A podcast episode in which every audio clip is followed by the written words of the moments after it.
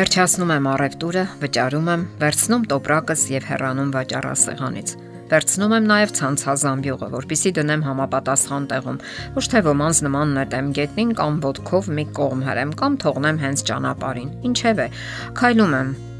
Հանկարծ արագ ինձ է մոտենում մի արագաշարժ 6-ից 7 տարեկան բալիկ եւ ձեռքիցս համարյա խլելով ցանցազամբյուղն ասում է. Ես գիտեմ սրանց տեղը։ Նա ոչ թե հարցնում է կամ թույլտվություն խնդրում, այլ անելիքն իմացող մարդու վստահությամբ կատարում է իր բարի արարքը։ Եվ ապա ցանցազամբյուղը դնելով գլխին ուրախ զվարթ տանում է ու դնում համապատասխան տեղում։ Հրաշալի բալիկ է, այնպես չէ։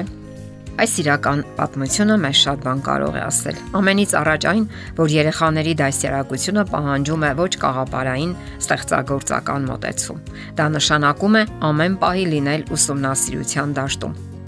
Հասկանալ, թե ինչ է պահանջվում մեծահասակից, երբ փոխհարաբերվում կամ շփվում է երեխայի հետ հասկանալ նրանց եզակի եւ ինքնուրույն աշխարհը։ Նման դեպքերում երեխաները հրաշալիորեն զարթարում են շրջապատը իրենց ոչ ընդունված եւ եզակի մտածողությամբ ու աշխարհայացքով Աշխարհը հենց նման երեխաների, իսկ հետագայում նման մեծահասակների կարիք ունի։ Պատահական չէ, որ ճիշտ դասերակցության դեպքում հասարակության մեջ գերակշռում են գրողները, նկարիչները, պարողները, դերասանները, երաժիշտները եւ այլն։ Ստեղծագործական անznավորությունն ընկալում է աշխարհը միանգամայն այլ տեսանկյունից։ Եզակիորեն յուրովի ընկալելով կյանքի տարրերը, նա ինչ որ նոր եւ անսովոր բաներ է ստեղծում։ Հարկավոր է խրախուսել երեխաների հետաքրքրությունը, զարգացնել նրանց, նրանց տանել գրադարան, նրանց հարկավոր է տեղեկատվական հոսք։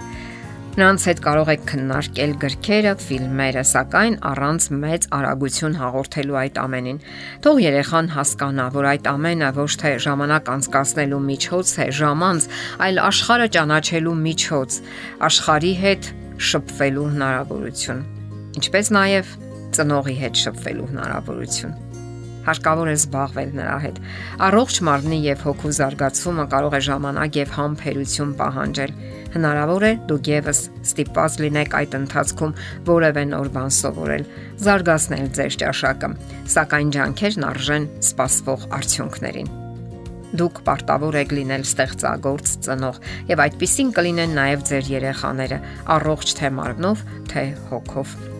Դուք պետք է ունենաք լսելու եւ լսածը վերլուծելու ցանկություն։ Լսեք ձեր երեխաներին, փոքրիկ մարդուկին,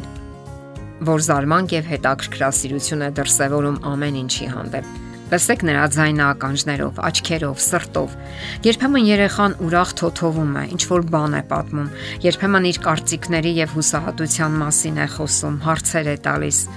Լսեք նրան Կյանքը նրանց առաջել է խնդիրներ դնում եւ նրանք էլ ունեն իրենց յուրովի դժվարությունները։ Այս կյանքի անարթարությունները հաճախ հենց նրանց են հարվածում։ Ահա թե ինչու նրանք էլ երբեմն կարող են ընկճվել ու հուսահատվել, երբեմն կողքեշնչվեն եւ կպատմեն, թե ինչ նոր բաներ են սովորել, ինչ գիտելիքներ են ստացել իրենց մանկական ուղեղով։ Պարքևեք երեխային մեծագույն նվերը, ձեր ժամանակը։ Ձեր տունը դարձրեք գաղափարների եւ մտքերի փոխանակման վայր, որpիսի ոչ մեկը չվախենա, թե իրեն կարող են ծաղրել կամ նվաստացնել Ձեր երեխաները կսկսեն խոսել ամեն տեսակի հիմնախնդիրների մասին, որոնք մինչ այդ չէին համարցակվում քննարկել։ Եվ այդ ժամանակ է, որ ձեր տունը կդառնա նրանց աճի ու զարգացման վայրը։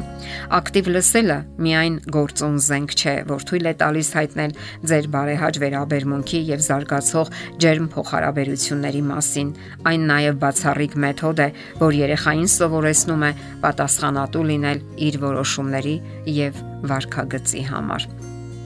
Այս ամենով հանդերձ հսկողությունն անհրաժեշտ է կյանքի առաջին կարևոր տարիներին, սակայն դա պետք է լինի հմուտ եւ մտածված հսկողություն, այլ ոչ թե գեր հսկողություն, երբ երեխան պարզապես զրկվում է ինքնուրույնությունից։ Երբ բույսերին ճափից շատ են ջրում, նրանք պարզապես խեղդվում են ջրի առատությունից։ Իսկ երբ երեխան մեծանում է առանց ջրի կամ առանց հսկողության, Այսպես ասած մոլախոտի նման, ապա չարժե սпасել, որ նա բարեկիրթ եւ ստեղծագործական անznավորություն կդառնա։ Մի խոսքով, անհրաժեշտ է ճիշտ համադրությունը։ Անհրաժեշտ է երեխային կրթել, զարգացնել նրա միտքը եւ վերջապես օրինակ լինել նրա համար։ Գուցե տարօրինակ հնչի, սակայն շատ հոգեբաներ խորհուրդ են տալիս նամակ գրելու մեթոդը